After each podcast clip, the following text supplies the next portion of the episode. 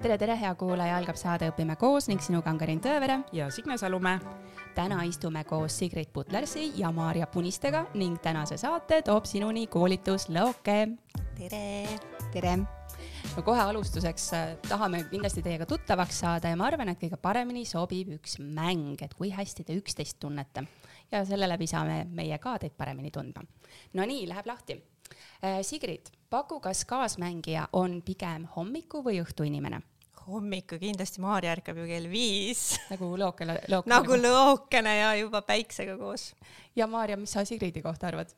Eh, Sigrid on ilmselt õhtuinimene. peab paika? tõsi. nii, Maarja, paku, kas kaasmängija tegevus ettevõttes on tiimitöö ehitamine, ideede genereerimine, eesmärkide nimel võistlemine või protsesside kontrollimine? Tugevuseks ma arvan, et äh, protsesside kontrollimine on Sigridil kindlasti. ja mis sa ise arvad? oled sa nõus sellega? no ma olen ikka jah, kontrollifriik no õpetaja geen on õpetaja geen on sees, ei saa üldse vabaks. aga kui sa peaks Maarja käest küsima või ütlema, et mis Maarja tugevus ettevõttes on? Maarja tugevus, ma arvan, et ta on väga hea tiimitöö ehitaja. et ähm, ta nagu rahustab mu maha, et kui ma olen selline nagu tunnen, et on vaja kontrollida, et nii, kas on kõik tehtud, kas meil on kõik paigas, siis Maarja ütleb chill et äh, selles mõttes meil on jah, nagu üks on rahustav ja teine on selline ütleme, sütitav või noh, me mõlemad sütitame, need vahepealsed sellised asjad on meil, käivad küll väga-väga koos. et äh, eesmärke seame koos ja ideid äh, niiviisi põrgatame mm. Et see käib meil väga koostöös Sigrid, paku, kas Maarja, Maarjat inspireerib rohkem sihtkoht või teekond? Maarjat inspireerib äh, töö käigus võib-olla sihtkoht, aga tagasi vaadates, kui ta juba kuhugi on jõudnud, siis pigem see teekond, mille ta on ära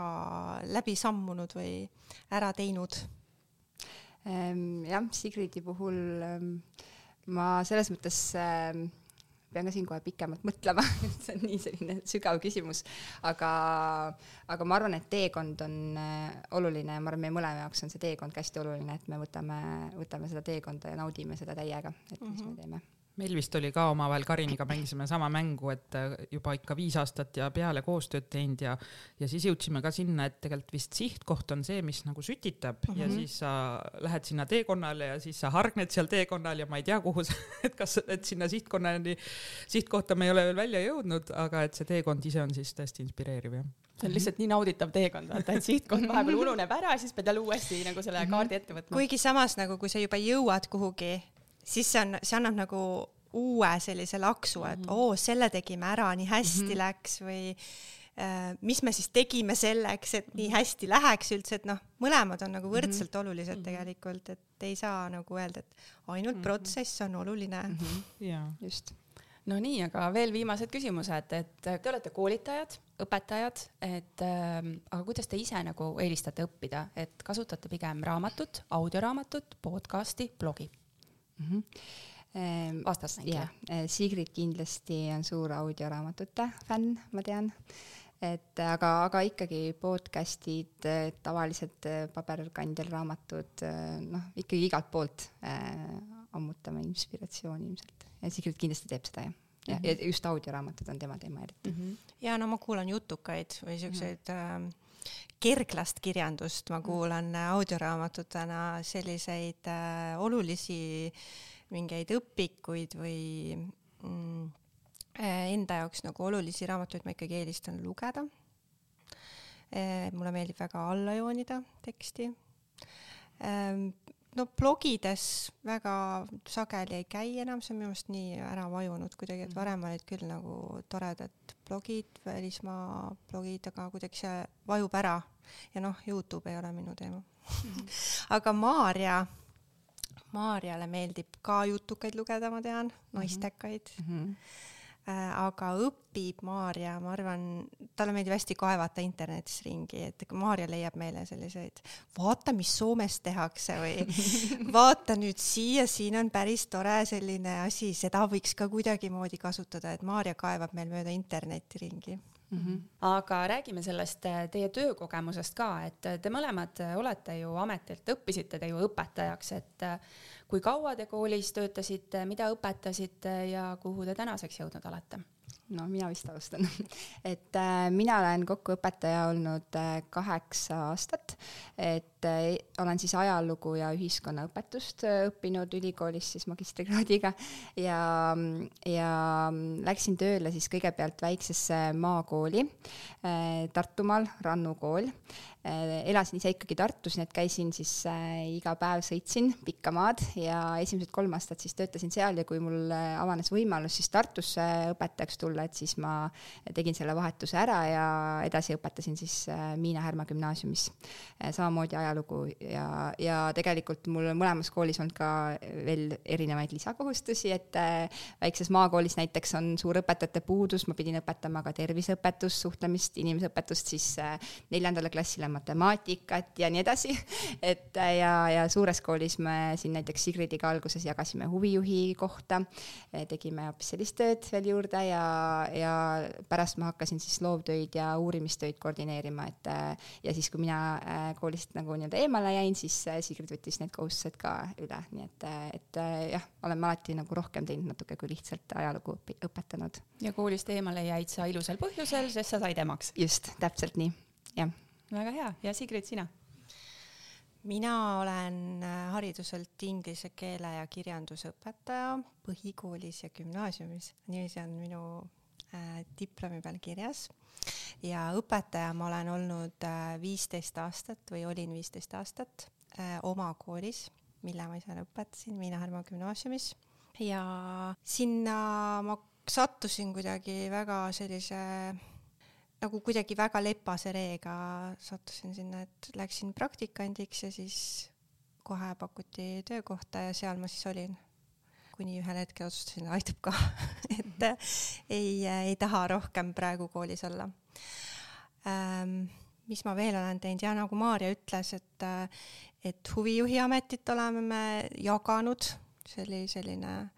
kuna Maarja tuli, oli esimest aastat koolis äh,, ta ei tundnud seal väga kedagi, siis oli hea äh, jagada seda ametit. siis äh, ma olin ka keskastme IB programmi koordinaator mõnda aega, selline nagu juhtkonna tasemel koht,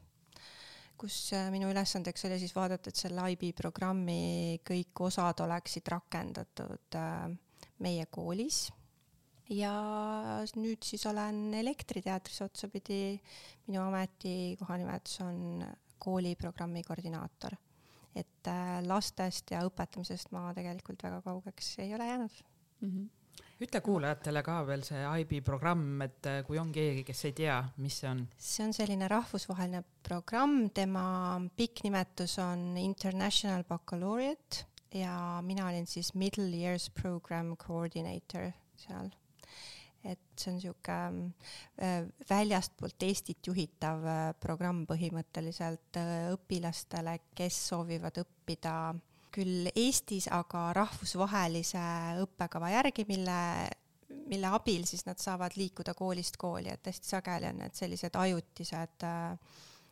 lapsed, ajutised õpilased, kes liiguvadki mõne aja pärast edasi Eestist ja Õpime koos on tegelikult saate ka salvestanud äh, sel teemal, et äh, tasub vaadata meie playlist'i, et kindlasti leiab ülesse ja see IB programm kindlasti sobib ka tagasipöördujatele, kes ja. on rahvusvahelisel programmil õppinud. no nii, aga õpetajatööst te kaugele ei ole jäänud, lapsed on teid ümbritsevad ikkagi, aga kui te nüüd tagasi mõtlete, et mis oli võib-olla koolis õpetajana kõige suurem väljakutse ja kõige suurem rõõm? ma arvan, et äh, kõige suurem väljakutse minu jaoks on olnud õpetajatöös see, et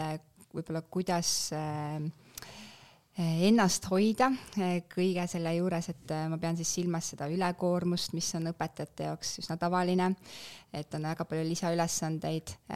siis üldse, kuidas ei öelda mingitele asjadele, kui sa tunned, et on liiga palju juba sul äh, kandikul. Ja, ja kui ma mõtlen näiteks selle maakooli, maakoolis töötamise kogemuse peale, et siis seal näiteks äh, puutusin väga palju kokku käitumisraskustega õpilastega, millega ilmselt praegu ka väga paljud õpetajad endiselt väikestes kohtades kokku puutuvad, rohkem kui suures, nagu suurtes koolides, aga no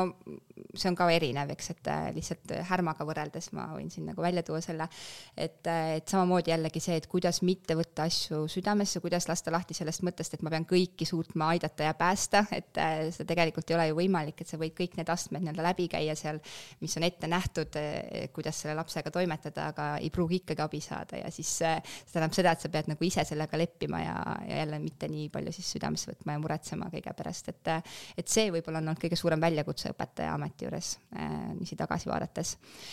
Ja rõõm on ikka, ikka ma arvan ähm, äh,, ma arvan, ilmselt ka nagu kõigil õpetajatel on äh, rõõm tuleb ikka õpilastelt näiteks, et on, on ägedad õpp-, õpilased, äh, kellele võib-olla näiteks su tunnid on meeldinud, et tulevad ütlema seda, siis see on alati suur rõõm. no sellised väiksed rõõmud tegelikult ju moodustavad, teevadki kokku selle suure rõõmu õpetajatööst, ma arvan, jah no Maarja nagu mainis, on ju, et õpilastega selline koostöötamine ja selline innustamine ja õpilaste motiveerimine ja kui sa näed, et sellest on nagu tõesti abi olnud ja nad, nad tahavad, nad tahavad töötada ja nad tunnevad nagu mõnu sellest protsessist just, mis me enne rääkisime, et nende jaoks võib-olla on see sihtkoht isegi väiksematena veel vähem oluline, kui täiskasvanutel on aga tegelikult suur rõõm on see, kui sul on ägedad kolleegid, sellised innustavad, sa saad äh, nendega rääkida, sul on aega rääkida nendega, et äh, sinu ümber tekib selline nagu tore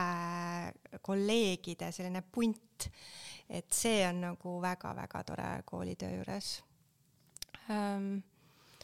kõige suurem väljakutse, no ei, ei oska ju kunagi koolis öelda, ei saagi nagu muidu äkki mõni laps jääb lolliks või või äh, äkki äh, jääb mõni väga vajalik projekt tegemata või äh, noh, selline nagu süütunne, mis tekib sellest, kui sa ühe korra ütled ei, siis nagu või ja siis ka see, et kui ühe korra ütled ei, äkki teinekord enam ei pakuta sulle mingit geniaalset võimalust, eks ju. et ähm, see võib-olla on see väljakutse, see ei, et peab nagu hästi leppima leppida oskama sellega, et äh, mina olen nüüd tähtis, mina ütlen ei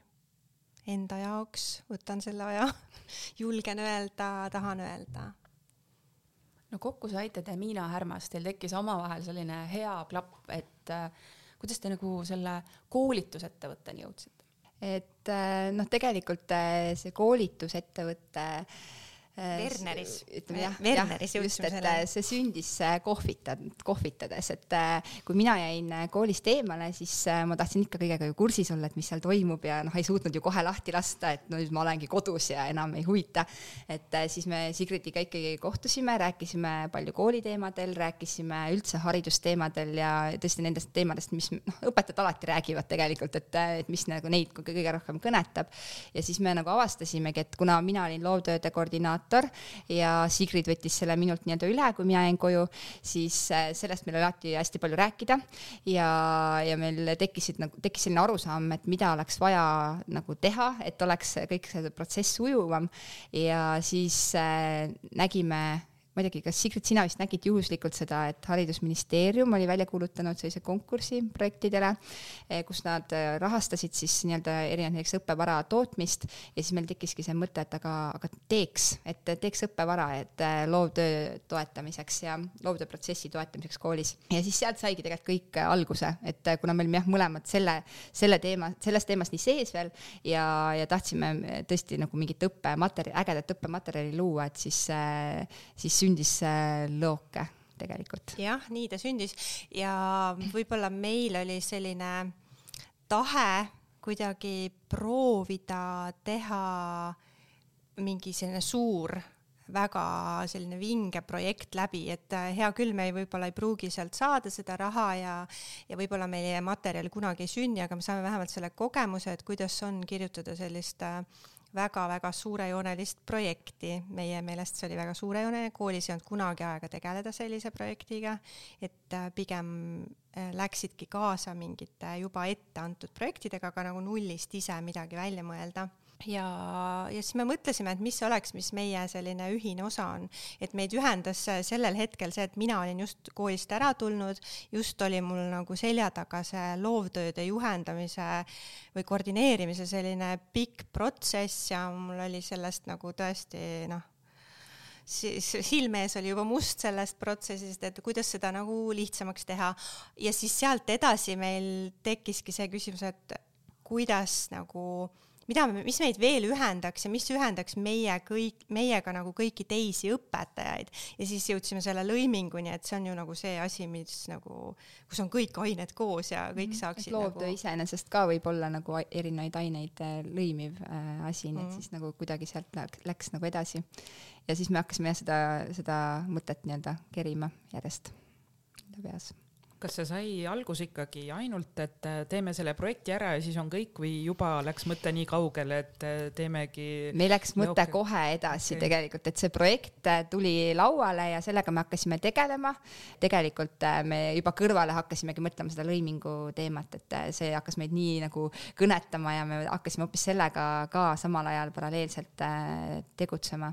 et äh, jah, ma arvan, et need äh, tulid nii-öelda koos ikkagi, et ja, ja juba ja kui me juba hakkasime seda kõike seda mõtet veeretama, siis meil tuligi selline suurem pilt juba silme ette. kas sulle ei tundu, et meil oli see küsimus, et äh, pidime registreerima ennast mm -hmm. mingisuguse ettevõttena mm -hmm. selleks, et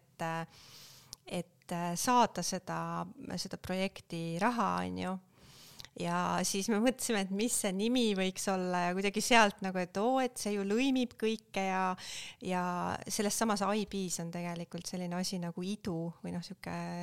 täheühend, mis on siis interdisciplinary unit ja eesti keeles oleks ma-, maru tore, kui saaks öelda ka, et me idutame või me teeme, teeme idusid idu. ja teeme väikse idu. Ja siis me Paneme mõtlesime, meil oli nagu väga palju koosolekuid sellest, et kui, mis panna nimeks oma idule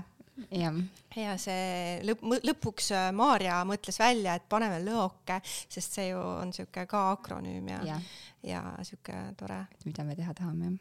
ja mis see akronüüm on siis, öelge välja ilusti. lõimime õppeaineid oma klassiruumis eesmärgipäraselt. jah, ja siis, ja siis ei saanud ju jääda ainult nagu loovtöö peale, kui me juba lõimisime. just aga see oli jumala äge lugu selles mõttes, et kui alguses äh, te meile külla tulite, ma olin täiesti veendunud, et te olite kaks õpetajat, kes tegid koostööd koolis, et see koostöö algas teil koolis ja siis te mõtlesite, et ai, et enam ei jaksa seal koolis rabeleda, et peab nagu eemale astuma ja ettevõttesse panustama, et, et hoopis te astusite nagu välja ja sealt äh, sündis see mõte ja selline projekt, et äh, väga-väga mm -hmm. inspireeriv. täiega hakkavad mahlad ikka õpetajatel jooksma, kui need äh, siuksed loomemahlad, kui on aega. jah, et äh, koolis nagu ei olnud aega mõelda selliste asjade peale. seda me tegelikult oma koolitustel ka alati rõhutame, et, et kui õpetajale anda seda aega, et äh, see juht nii-öelda leiab selle aja näiteks õpetajatele, et, et nad saaksid nagu tõesti mõelda midagi ägedat välja ja ägedat teha, et siis, siis noh, siis see on nagu, ma arvan, asi, mille nimel nagu tööd teha, et et. kas te mäletate, kui palju aega oli teil vaja, et see mahl voolama hakkaks? et kas see oli nii, et noh, ei olnud ju nii, et nädal aega olite nii-öelda chill isite või noh, mis chill isite, teil olid ju lapsed ja töö, uus töö, et mm -hmm. noh, et, et kui palju aega läheb vaja, et selliseid suuri asju mõelda, sest kahju on ju tegelikult, et õpetajad lähevad koolist ära, et mis iganes mm -hmm. põhjusel, et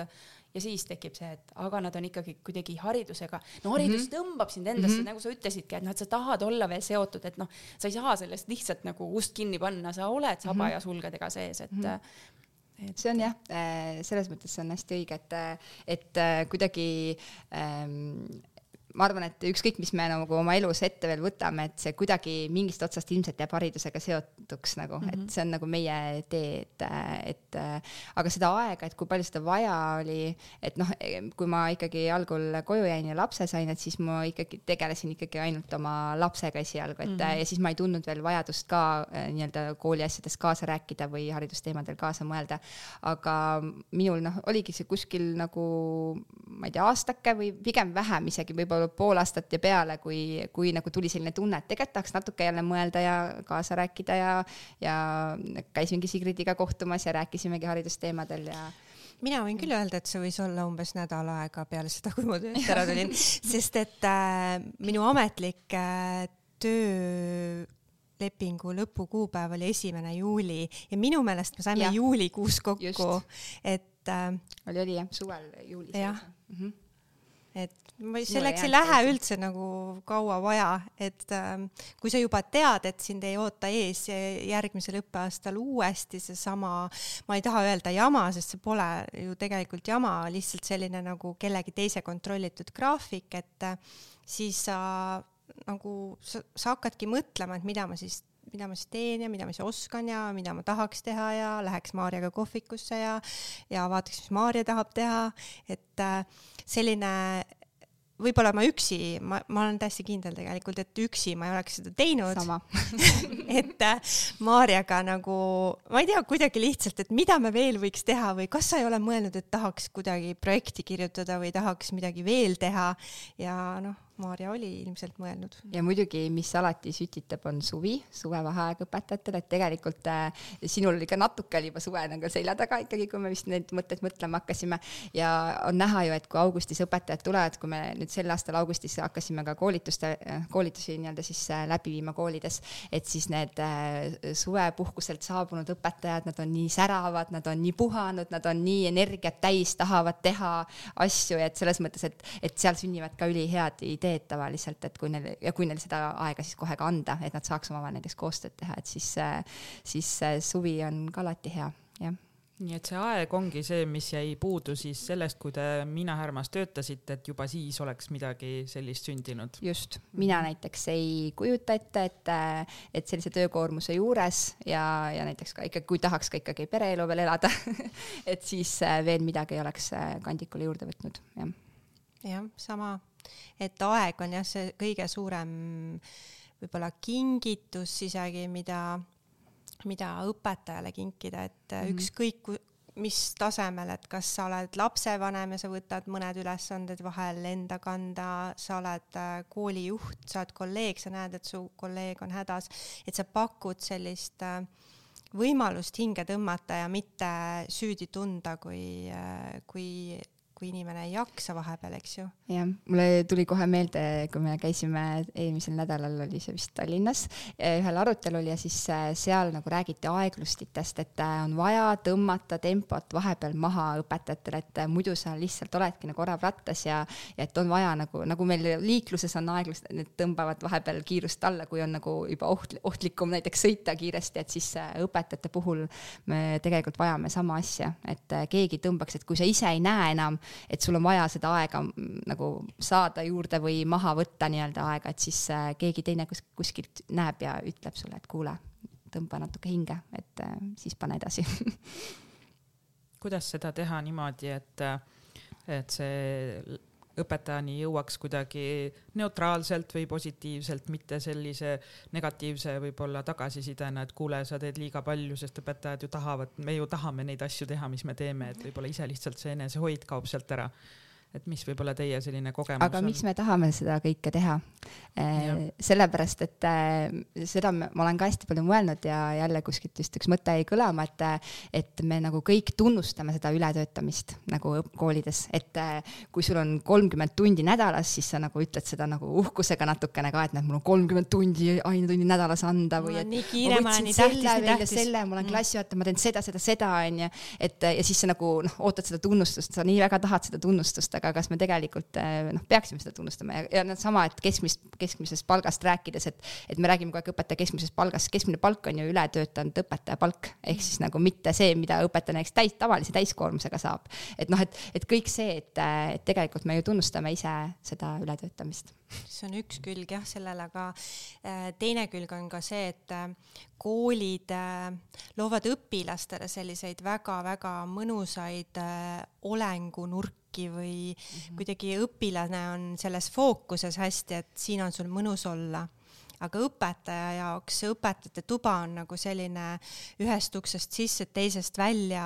paljundusmasin on seal vahepeal, et sa jooksed nagu ühest tunnist teise, seal teed mingi väikse peatuse ja paned edasi.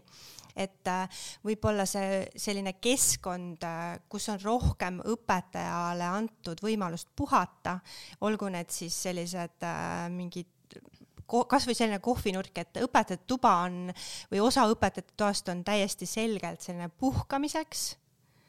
mitte ainult töötamiseks, et äh, siis sa lähedki sinna, sul on seal kolleegid, kes juba kohvitavad, sa laed ennast kohe seal maha ja sa saad selle hetke nagu äh, hingata, et õpetajate jaoks ka see keskkond peaks nagu olema selline aeglusti või selline lamav politseinik, et ma, ma jooksen sealt õpetajatoast läbi, seal on nii mõnus puhkenurk, ma hetkeks istun sinna, et võib-olla ma ei hakka kohe paljundama, onju. võib-olla ka see päevaplaani muutus nagu soosiks seda, et, et, et osades koolides juba on sellised pikad-pikad vahetunnid onju, et ei ole enam kümme minutit ainult, vaid on, ma ei tea, seal kakskümmend, kolmkümmend minutit juba et siis selle ajal nagu õpetaja saab ka hinge tõmmata. Ja näiteks süüa. ja süüa, pissil käia, vot see on jah sihuke me kõik Mida... teame, millised me oleme, kui me oleme näljased. just, me oleme väga kurjad ja no üldse selline, võib-olla läheb tänu sellele Covidile see koolipäev nagu teistsuguseks, et paljudes koolides tehakse juba neid äh, siukseid äh, e-õppepäevi, mis annab õpetajale võimaluse kolleegidega kokku saada, võib-olla mõni õpetaja tuleb sinna oma töid parandama, et ta ei pea oma selle suure tšumadaniga onju minema koju, tal on üks päev, kus ta saab natuke rahulikumalt seda teha kõike, juba see nagu aeglustab seda tempot, et äh, minu meelest võiks julgeda rohkem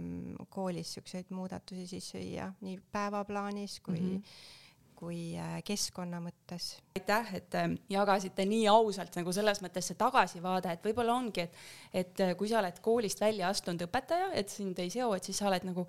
vaatad nagu teise pilguga, et, et kuidas seda koolikeskkonda atraktiivsemaks saab ikkagi muuta. aga mis mul kõrvu, kõrvu jäi veel see, et see, et me kõik ootame tunnustamist ja sa, Maarja, ütlesid ka, et me tunnustame pigem nagu sellist ületöötanud õpetajat, et noh, kui lugeda kasvõi neid Eestimaa õpib ja tänab, mida kõike need mm -hmm. õpetajad teevad, üliinimesed, eks ju, et, et kas me, kuidas peaks üks hea koolijuht õpetajat tunnustama, et õpetaja tehes oma tööd südamega ja tehes, ajades oma asja, mitte nagu väljapoole ainult näidates, et mm -hmm. milline see tunnustussüsteem võiks olla? Ma esiteks arvan, et ei peaks sellega üldse kitsi olema, et äh, selles mõttes, et, äh, et võib ju tunnustada nii paljude asjade eest äh, õpetajaid, nad teevad ju tõesti palju, paljusid asju, eks ole, ja, ja kui nad oma tööd hästi teevad, et siis võikski tunnustada ja, ja mitte nagu nii-öelda karta, et äkki tunnustan liiga palju, et seda ilmselt praegu küll koolides öelda ei saa, et keegi liiga palju saaks tunnustatud. ja ma olen tõesti väga nõus sellega, et, et see Eestimaa tänab ja tunnustab, et, et või ütleme, need aasta õpetajad peavad olemagi teinud kõik kõiksuguseid lisaasju, et selle eest ju neid ei tunnustata, et nad on näiteks lihtsalt klassis väga head õpetajad, nad tõenäoliselt on ka, aga lihtsalt tegelikult see nimekiri peab olema sul väga pikk, mida sa veel teed, et noh, et see on juba ju tegelikult jah, see, mis näitab, et, et nagu ei ole päris õige asi. ma saan aru, et seda on raske mõõta, nagu et meil ei ole sellist konkreetset tulemust, me ei saa tunnustada õpetajat selle eest, selle eest, et ma ei tea, et tal kõik õpilased lõpetasid kooli, ma ei tea, hinnetega viis, sest et noh, ei ole, ei ole nii, eks, et aga, aga noh, ma ei teagi, ma ei ole nagu niiviisi mõelnud, et mis need konkreetsed nagu asjad võiksid olla või kuidas seda, kuidas seda tunnustussüsteemi nii-öelda sisse töötada, kas sina, Sigrid, oled? võib-olla nagu kõige selline esmane asi, mida võiks teha, on see lihtsalt iga päev nagu sõbralik olemine mm, -hmm. selline tänamine seda nagu väga ei tehta, et aitäh, et sa olid nii tore täna, mul oli täna sinuga nii tore, äh, hea, et äh, sai kuidagi koos selle päeva õhtusse, et see selline igapäevane nagu tunnustamine ongi minu meelest puudu, igapäeva mm -hmm. eest tunnustamine mm, -hmm. et noh, muidugi need õpetajad, kes saavad selle kuldse karika või selle Joosepi, Joosepi, eks ju, et nemad äh, nad ongi võib-olla rohkem teinud rohkem, rohkem nagu just kooliväliseid asju või selliseid tunniväliseid asju, aga ka see, et on olemas inimesed, kes koolis äh, igapäevaselt on alati vee peal ja hoiavad sinu ka seal vee peal, ka selle eest tegelikult peaks tunnustama, et ähm, jah, selline tänamise kultuur on nagu minu meelest puudu või selline hästi lihtne tänu mm. -hmm. et puhas mm -hmm. inimlikkus Just. ja üksteise märkamine, et ilmselt koolijuhid, ainesektsioonide juhid, nad on samamoodi nagu tööga üle koormatud mm, -hmm. nagu kõik see koolisüsteem meil on, et üks pauk teise otsa, mis siin nüüd viimasel ajal on tulnud ka, et et noh, katsu sa uju või uppu, eks ju, on tegelikult, et ja siis sa lihtsalt ei märkagi enam, et ja sellel pisikesel sõnal aitäh, palun, tänan mm, -hmm. on, unustame ära, aga väärtus on seda suurem muidugi. No nii, aga lähme selle lõokase juurde siis äh, veel, et äh, sa juba ütlesid, et mis see lõok äh, tähendab ja meie piilusime ka teie kodulehte ja Signel oli kohe küsimus. kodulehe kohta, kas te tegite ise, lasite teha, kust te nii ilusa kodulehe saite? minu nagu abikaasa ilus... tegi oh. ja minu abikaasa on selline meie eh,, kuidas ta ise ütleb, IT support, et ükskõik, mida meil on vaja teha, tema kujundab meil ilusaks, küsib, saadab meile mitu versiooni versiooni, kas see või see või see või see, meil on sellised äh, ka väga ilusad äh, diplomid äh, või sellised kuidas neid nimetatakse, koolitustunnist, mhm. koolitustunnistused äh, väga kenasti tehtud ja kõik ta teeb meil ära äh,. vingub küll natuke, aga tuleb äh, tavaliselt selline tore asi välja ja logo näiteks äh, sündis meil selle projekti raames, et mis me tegime, et äh, kuna me seal äh, projektis, selles esimeses projektis, kui me loovtöö õppevara lõime, et siis seal meil oli siis õpp-, videodes oli selline tegelane nagu Lõoke, et siis temast nii-öelda inspireeritult meile siis tehti ka selline äge logo ja, ja kõik need sellised värvid ja asjad valiti ja nagu ütleme ikka jah, et me ikka võtsime suurelt ette. Jah, meil on selline kvaliteedikontroll, et kui mina olen see kontrollifriik, siis äh,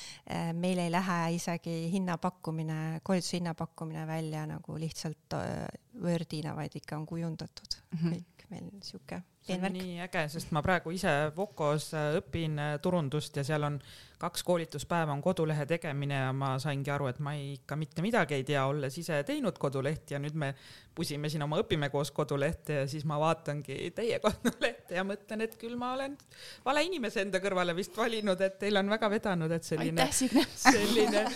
äh, mulle must huumor meeldib et, äh, et see on nagu jah, ma lihtsalt imetlen seda, et siis ma tean, kelle poole pöörduda, kui ma otsin äh, teenusepakkujat. oma kuidas, mehe. kuidas, äh, põllumehe, jah et siis see oli nagu esimene selline tähelepanek, et kui ilusti kõik oli lahti kirjutatud seal, mida te pakute, mis te teete, et aga rääkige meie kuulajatele ka, et kes esimest korda kuuleb, et mis on Leoke et.... ja kelle jaoks te selle lõike lõite? Äh, Lõoke on siis äh, selline ettevõtmine, mis pakub ainetevahelise lõimingu koolitust, see on meie selline ähm, nagu go-to või selline põhiasi. ja me pakume seda koolide meeskondadele eelkõige, et meil ei ole sellist äh, üksikule õpetajale koolitust veel, aga meil on plaan. see on meil selline üks pilves olev idee, et kuidas seda pakkuda ka näiteks kui üks õpetaja koolist tahaks äh, läbida seda koolitust. mis ma veel ütlen selle kohta, see on selline koolituspäev, äh, neli-viis tundi tavaliselt kestab. ja me aitame siis koolimeeskonnal luua sellise plaani, kus kõik õppeained oleksid lõimitud äh, igas kooliastmes vähemalt, aga idee on selline, et oleks igas klassis vähemalt üks lõimitud õppekava meie koolituse lõpuks valmis. selline. Mhm. nelja-viie tunniga? jah mm. -hmm. tundub suur amps. no eks ta on natuke suur ja äh, samas nagu kui ei äh,, kui ei sunni, siis ei tule ka midagi et kui me õpetajad saame endaga kaasa selliste mõnusate meetoditega, selliste mängudega ja siis nad saavad ise neid samu asju tegelikult kasutada, siis nad, siis nad enamasti ikkagi midagi teevad ja nad teevad päris ägedaid asju mm. -hmm. et äh, eks ikka nagu kollektiivid erinevad ja aga see kollektiiv, äh, kui suur see tavaliselt on ja, ja kellest see koosneb, et kas seal on ka koolijuht sees või ongi ainesektsioonid või? No meil on äh, tavaliselt on olnud jah, kooli meeskond, äh, ütleme siis, mis koosneb õpetajatest, et äh, kooli juhtima ei ole ühel. samas nagu õppejuh, õppejuhid on jah olnud, on olnud, et äh, direktorit ei ole vist vist olnud ma arvan ei ole olnud. aga, aga jah, et, et kuskil tavaliselt on meil olnud kuskil kolmkümmend äh, inimest äh,. kolmkümmend viis vist on olnud kõige suurem grupp mm. -hmm aga noh, oleme selliseid väiksemaid äh, nagu ütleme, sütitavaid loenguid teinud ka suurematele gruppidele, et äh, kus noh, ütleme, et, et äh, kui on ikkagi suurem grupp, et siis seda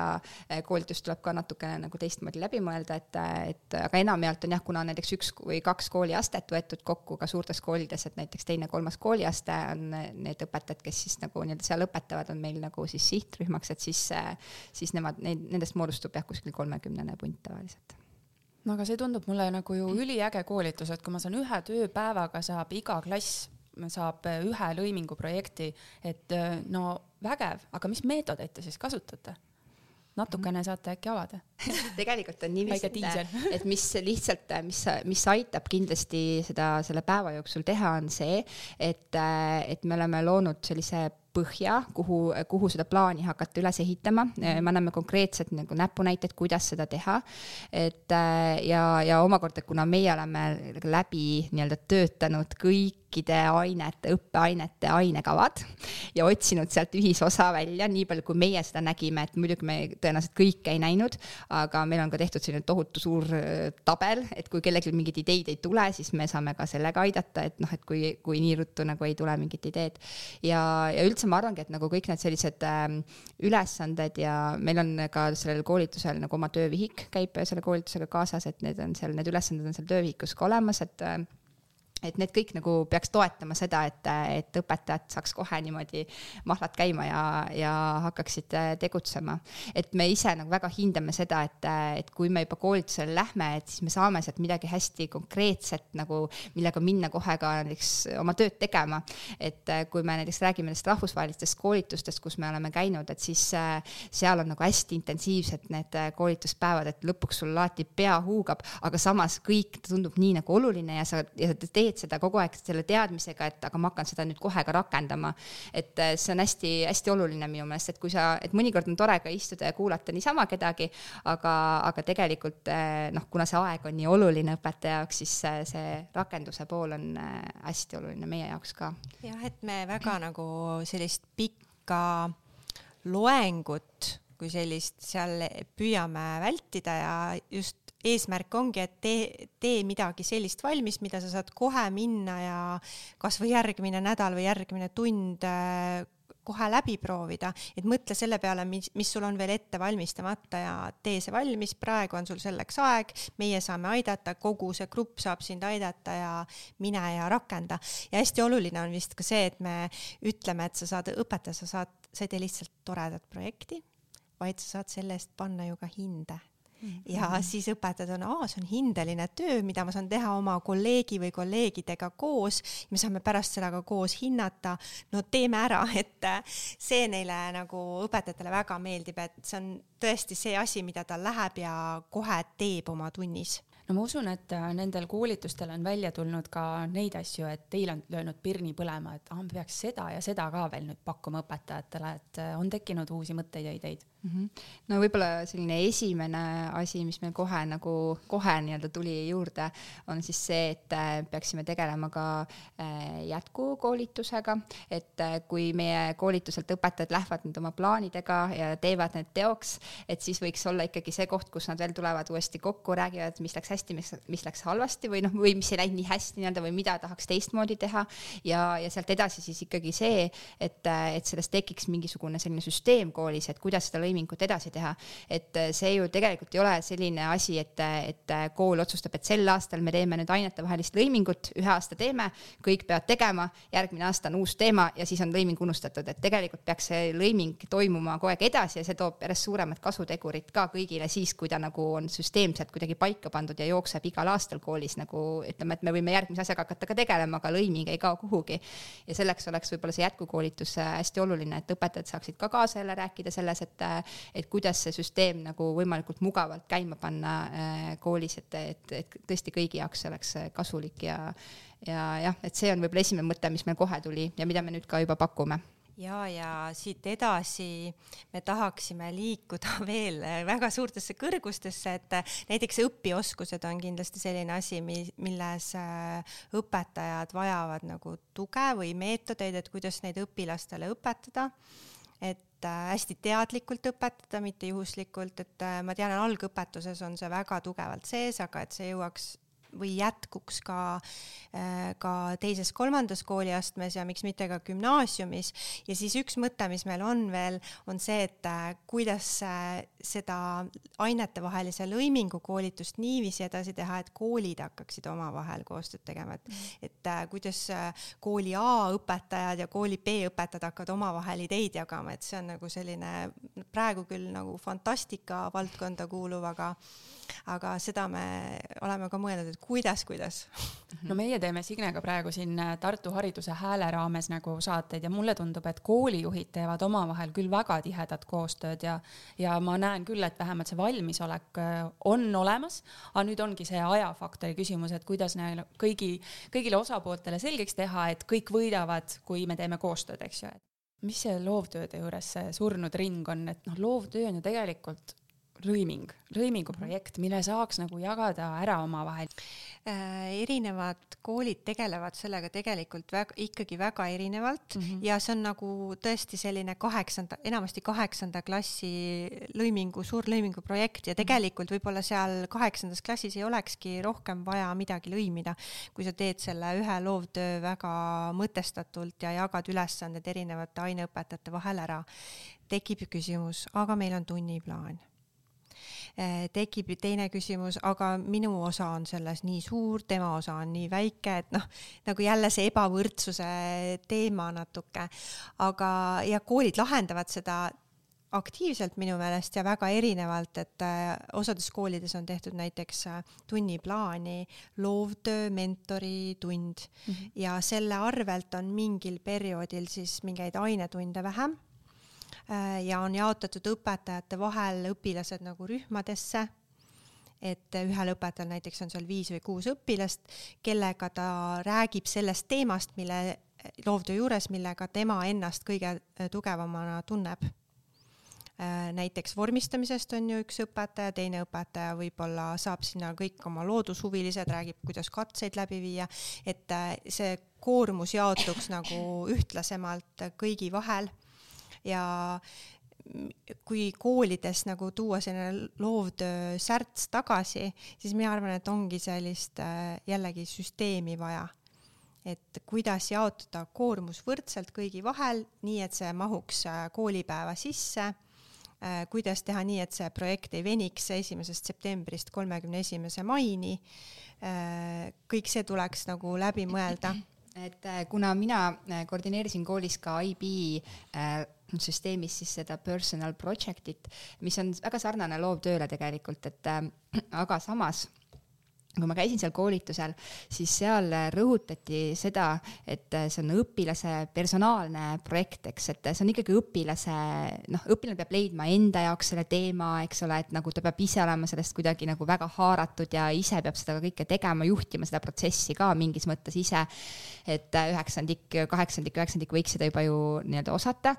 et, et juhendaja roll on nagu ollagi selline toetav, et aidata nagu noh, ütleme näiteks vestlustega noh, et et, et teda nagu kuidagi aidata edasi selles protsessis ja võib-olla aidata ka tagasi vaadata ja õppimiskohad nagu nä näha neid õppimiskohti nii-öelda õpilasel ja, ja võib-olla selline nagu toetav äh, roll ja, ja seal näiteks äh, rõhutati seda, et äh,, et äh,, et ei ole oluline, mis aineõpetaja sa oled. et Eestis me päris nii muidugi teha ei saa, sest et meil on näiteks uurimistööd, mis nagu ikkagi, kui see on puhas selline uurimus näiteks ajaloos, et siis ikkagi ajalooõpetaja peaks seda tõenäoliselt juhendama, et sisulist poolt nagu nii-öelda toetama.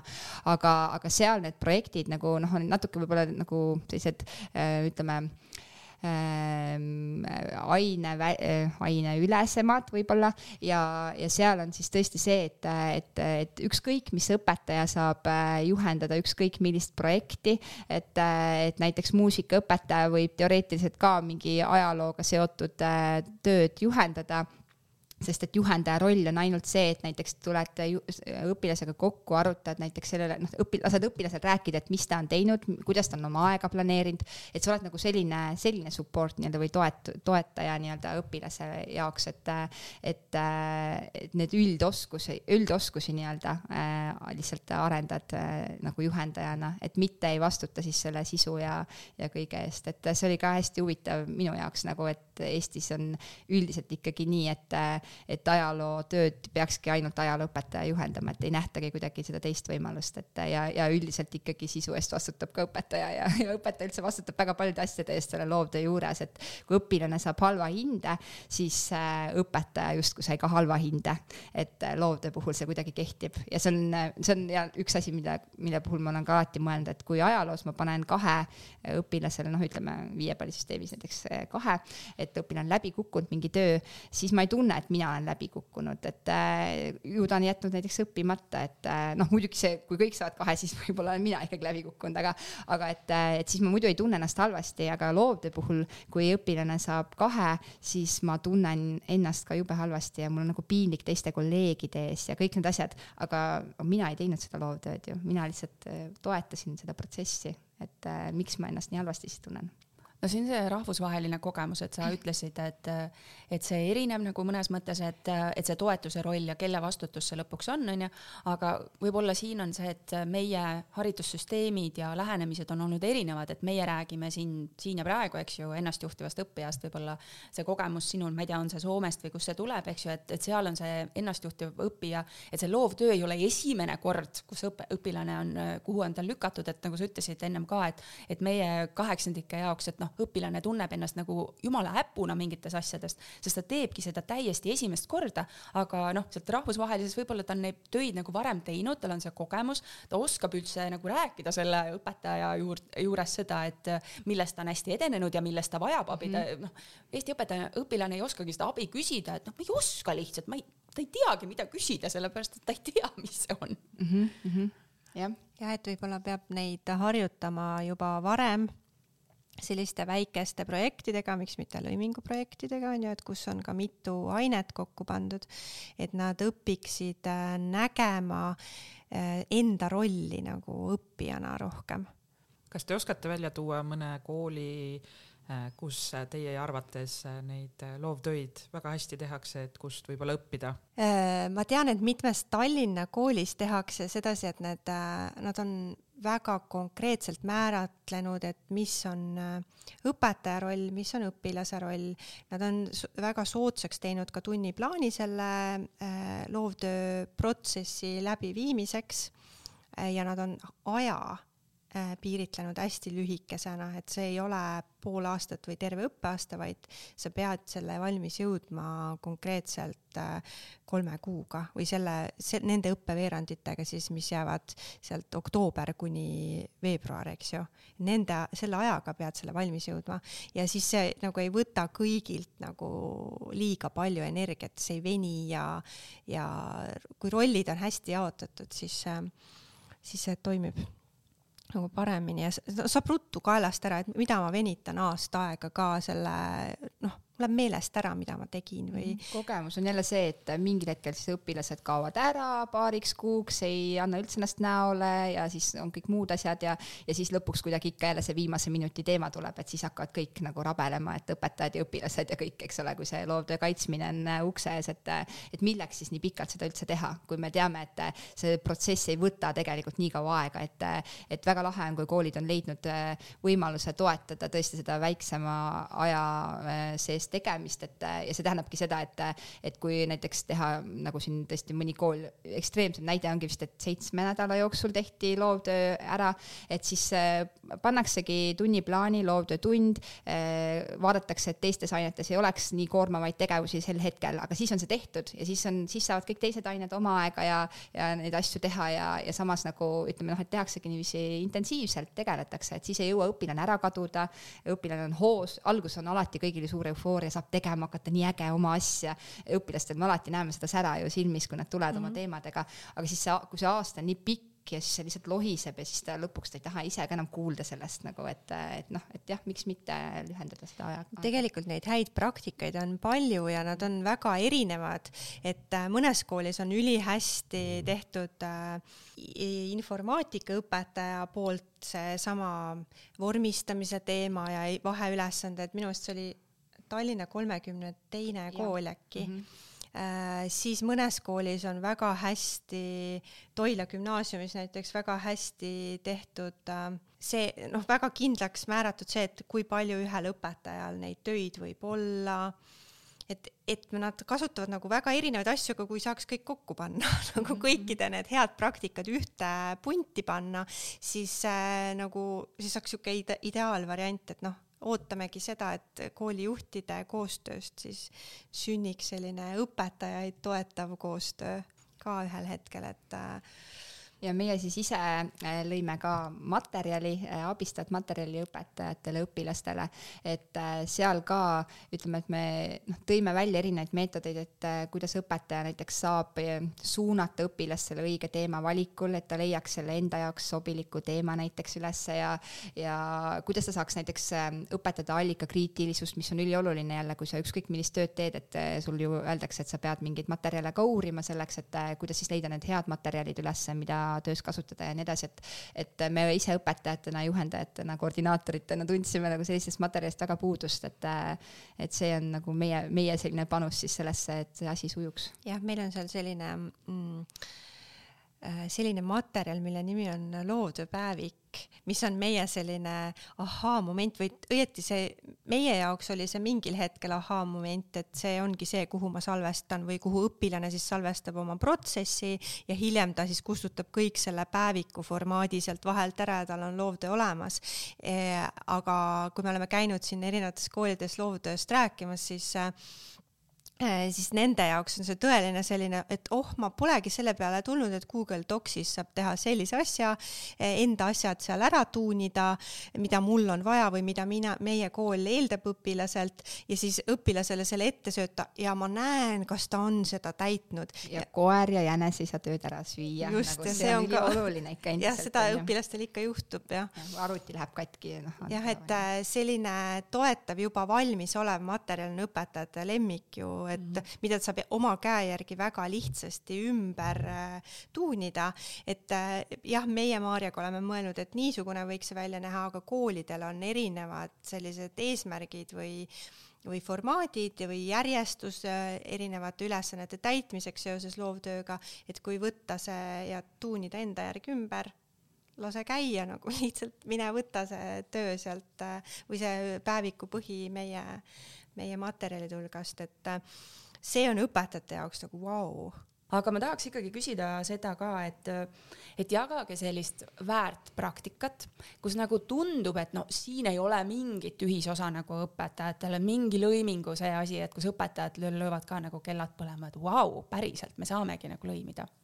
võib-olla äh, kõige keerulisem osa on see, et kuidas äh, humanitaarained ja sellised väga reaalained, noh, keemia, füüsika just eriti, kuidas need omavahel nagu kokku viia, et see on nagu alati selline kas nüüd tuleb midagi või ei tule midagi, et meie oleme ka sellega vist kõige rohkem vaeva näinud. Ja lihtne on viia kokku äh, keemiat ja füüsikat ja kunsti näiteks või keemiat ja füüsikat ja kehalist kasvatust või terviseõpetust, aga raskem on juba näiteks noh, et kui sa, et see oleks nagu väga pealiskaudne, kuidas viia kokku keemiat ja füüsikat ja võõrkeelt, eks ju. et äh, võib mõelda, et me räägime lihtsalt mingitest terminitest, mida me õpime seal võõrkeeles ka, aga see on hästi pinnapealne selline äh, lõiming, et see võiks ikkagi olla nagu tähendusrikas, mitte lihtsalt ei õpi termineid või mis, lihtsalt ei kanna üle ühest keelest teise asju, et kuidas seda teha. aga matemaatika on alati meil komistuskiviks mm. -hmm ja mingi viimane asi, mis, mis mul pähe tuli napilt enne meie esimest koolitust, oli see, et, et miks mitte kirjutada, matemaatikas on teoreemid, eks ju, teoreemi tõestamine, et kirjutada kriminaallugu ümber selliselt, et see oleks nagu teoreemi tõestamine sellise lühikese, lühiformaadis. näiteks selline ülesanne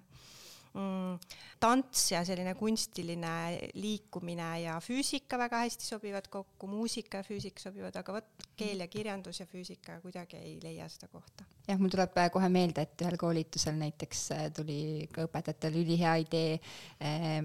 marineerisid kurke, kurke niisugune jah, et see oli füüsika ja siis kodundus oli kokku lükatud ja keemia ka. keemia ja kodundus. keemia ja kodundus oli vist jah, jah õigus. et, äh, et ka, et selline idee ja just selline, et, et see on nagu pikaajalisem äh, õpe, et mitte, noh, meie hästi nagu propageerime ka seda, et, et lõiming, et noh, väga tore on, kui õpetajad teevad ka selliseid pisikesi sutsakaid, et äh, teeme siin väikse asja ja siin väikse asja koos. aga et, et see oleks just selline nagu pikem läbimõeldud õppimine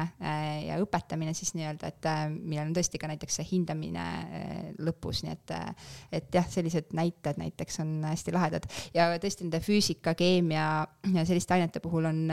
ongi see koht, et kui meie vaatame ka seda ainekava, siis meie ei pruugi ka näha kõiki neid võimalusi, sest et me ei ole selle aine spetsialistid, et kus nagu saab koostööd teha, et siis nagu need, need õpetajad nagu ise leiavadki tihtipeale veel ägedamaid ideid. Aga mis on need sammud, mida siis tavaõpetaja saab teha, et hakata oma koolis oma ainet äh, teiste õpetajatega lõimima? Tõenäoliselt eh, on eh, vaja kolleegidega suhelda nende sellistel teemadel, et nagu aru saada, et mida nad üldse õpetavad. ja selleks jah, on aega vaja jällegi, et, et tegelikult ma arvan, et see koostöö väga paljuski jääb selle taha, et õpetajad ei tea, mida teine õpetaja oma tunnis teeb. ja siis sa ei teagi, et teine õpetab näiteks kuu aega varem või hiljem sama asja, mida sina juba õpetad, et, et noh, et koos oleks ägedam. ja, ja seda noh, me jällegi nagu oma töö ajal ka äh, nägime päris palju, et, äh, et äh, see on nagu esimene asi, et, et lihtsalt pead natukene noh, ütleme, et kas sa siis loedki oma teise kolleegi ainekava, mis on nagu suur, suur ettevõtmine,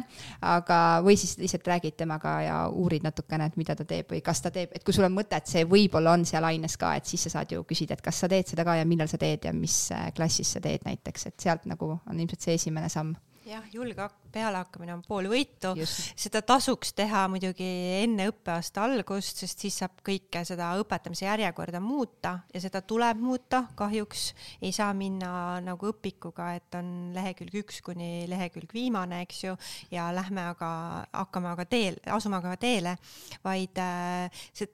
see tähendab ka seda, et sa pead oma õpetamise viisis ja oma õppematerjalides tegelikult korrektuuri tegema kas sa oled seda valmis tegema, kui sa, kui tundub, et äkki tuleb ikka ägedam ja mul on nii tore kolleeg, kellega seda koos teha, siis see igal juhul tasub ära ja tasub teha seda nii, et ma sellel aastal plaanin teha näiteks äh, ajalooõpetajaga on ju koos ühe, ühe sellise õppetüki või ühe lõimitud ainekava osa, eks ju. ja ma tahan seda, ma, mulle tundub, et ma tahan seda teha seitsmendas klassis, otsid selle õpetaja, lähed selle õpetaja juurde ja arutad, millal tema õpetab, kas see sobib ka sinu plaanidega kokku ja enamasti, kuna õpetajad on omavahel hästi sellised sõbralikud ja tahavad seda teha, siis enamasti nad on nõus oma sellist järjekorda muutma ja koos siis äh, saab mõelda välja, kuidas me hindame ja kõik see muu võin siin juurde öelda, et äh, kui mina läksin õpetajaks, siis minu jaoks oli ka äh, selline, olla siis ajalooõpetaja, siis kronoloogia on nagu püha ehk siis nagu kõik läks ju õpikus ka kronoloogilises järjestuses, lähebki siiamaani tavaliselt äh, ajalugu õpetades, et alates kuuendast kuni siis üheksandani välja ja jõuame siis tänapäevani välja põhimõtteliselt. ja, ja see kõik nagu oli niisugune püha, mida nagu ei saagi muuta, et ma ei saa ju kunagi varem võtta, kui ma olen, ma ei tea, õpetan revolutsioone, siis ma pean õpetama seda just sel hetkel kui see tuleb seal kronoloogiliselt, et et, et tegelikult meil, meie, meie olime nagu sunnitud mingis mõttes äh, Miina Härma gümnaasiumis seoses sellesama rahvusvahelise õppega või selle programmiga, mida me siis juurutasime ka Eesti äh, klassides, olime sunnitud lihtsalt seda järjekorda muutma, et tekitada sellised teemaplokid, et näiteks ongi, sa õpetad revolutsioone, siis sa räägid seal näiteks äh, Prantsuse revolutsioonist, sa räägid seal näiteks hoopis tuhande üheksasaja seitsmeteistkümnenda revolutsioonist, et noh, näiteks põhjused-tagajärjed, et, et sa ei keskendu sellele, et, et miks see nüüd just sel hetkel, noh, tähendab, et, et see oli nüüd sel hetkel, vaid et, et revolutsioon on läbi aja alati olnud, aga mis need üldised need ühisjooned on ja nii edasi. et siis meie oleme sunnitud seda tegema ja siis meil on nüüd hästi hea öelda õpetajatele, et ärge muretsege, et lihtsalt visake see õpik aknast välja ja tehke ise kuidagi, et ja, ja tegelikult saabki teha nii, et ka ajalooõpetaja saab teha, ei pea nagu kõike kogu aeg kronoloogilises järjestuses võtma, et võibki hoopis teistmoodi teha ja ongi huvitavam endal ka.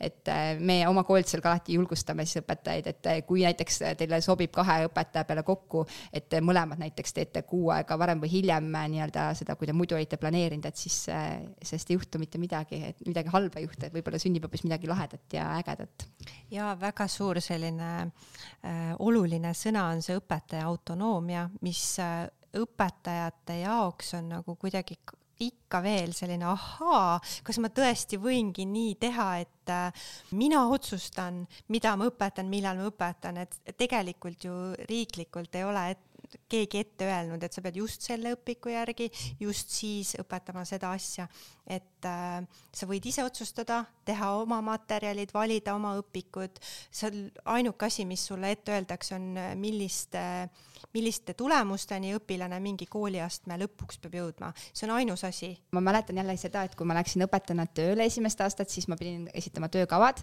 kus oli ka nagu nii-öelda siis äh, lahter nimega, et lõimingu võimalused või midagi, ma sellele, sellele suurt tähelepanu ei pööranud, ma kirjutasin selle nii maha, nagu kõigil teistel sinna kirjutatud oli, et midagi peab seal olema, aga noh, et ma ei jõudnud seda sisulist poolt nagu mhm. mõelda ja, ja see ongi õige, et, et tegelikult äh, noh, õpetaja ei jõuagi selle, selle ülekoormusega nii-öelda ta ei jõuagi eh, noh, kõike nii-öelda noh, et seda õpikut välja visata ja kõike jär, järsku hakka, hakata tegema nagu nullist, et et see pigem siis, mida me saame teha, et kuna me koole kinni ei saa panna selleks, et võtta aega ja, ja kõike muuta, et siis eh, võib-olla noh, tükkhaaval lihtsalt, et eh, sel aastal teen väikse selle tüki siin klassis ära näiteks ja siis järgmine aasta teen järgmise tüki, et ja siis seda eelmist ma saan ju kasutada juba, et noh, et niiviisi lihtsalt saab ilmselt seda muuta. kui me siin saateid oleme salvestanud, siis noh, paljud koolijuhid, õpetajad on öelnud, et noh, see töökava on tegelikult mõttetu asi, teed selle valmis, keegi seda ei kontrolli, aga sellest saaks ju tegelikult panna mõttekaks. et nagu sa ütlesid, et seal mhm. sees on see lõimingu koht olemas, et kui me oleme kõik selle töökava valmis teinud, siis me istume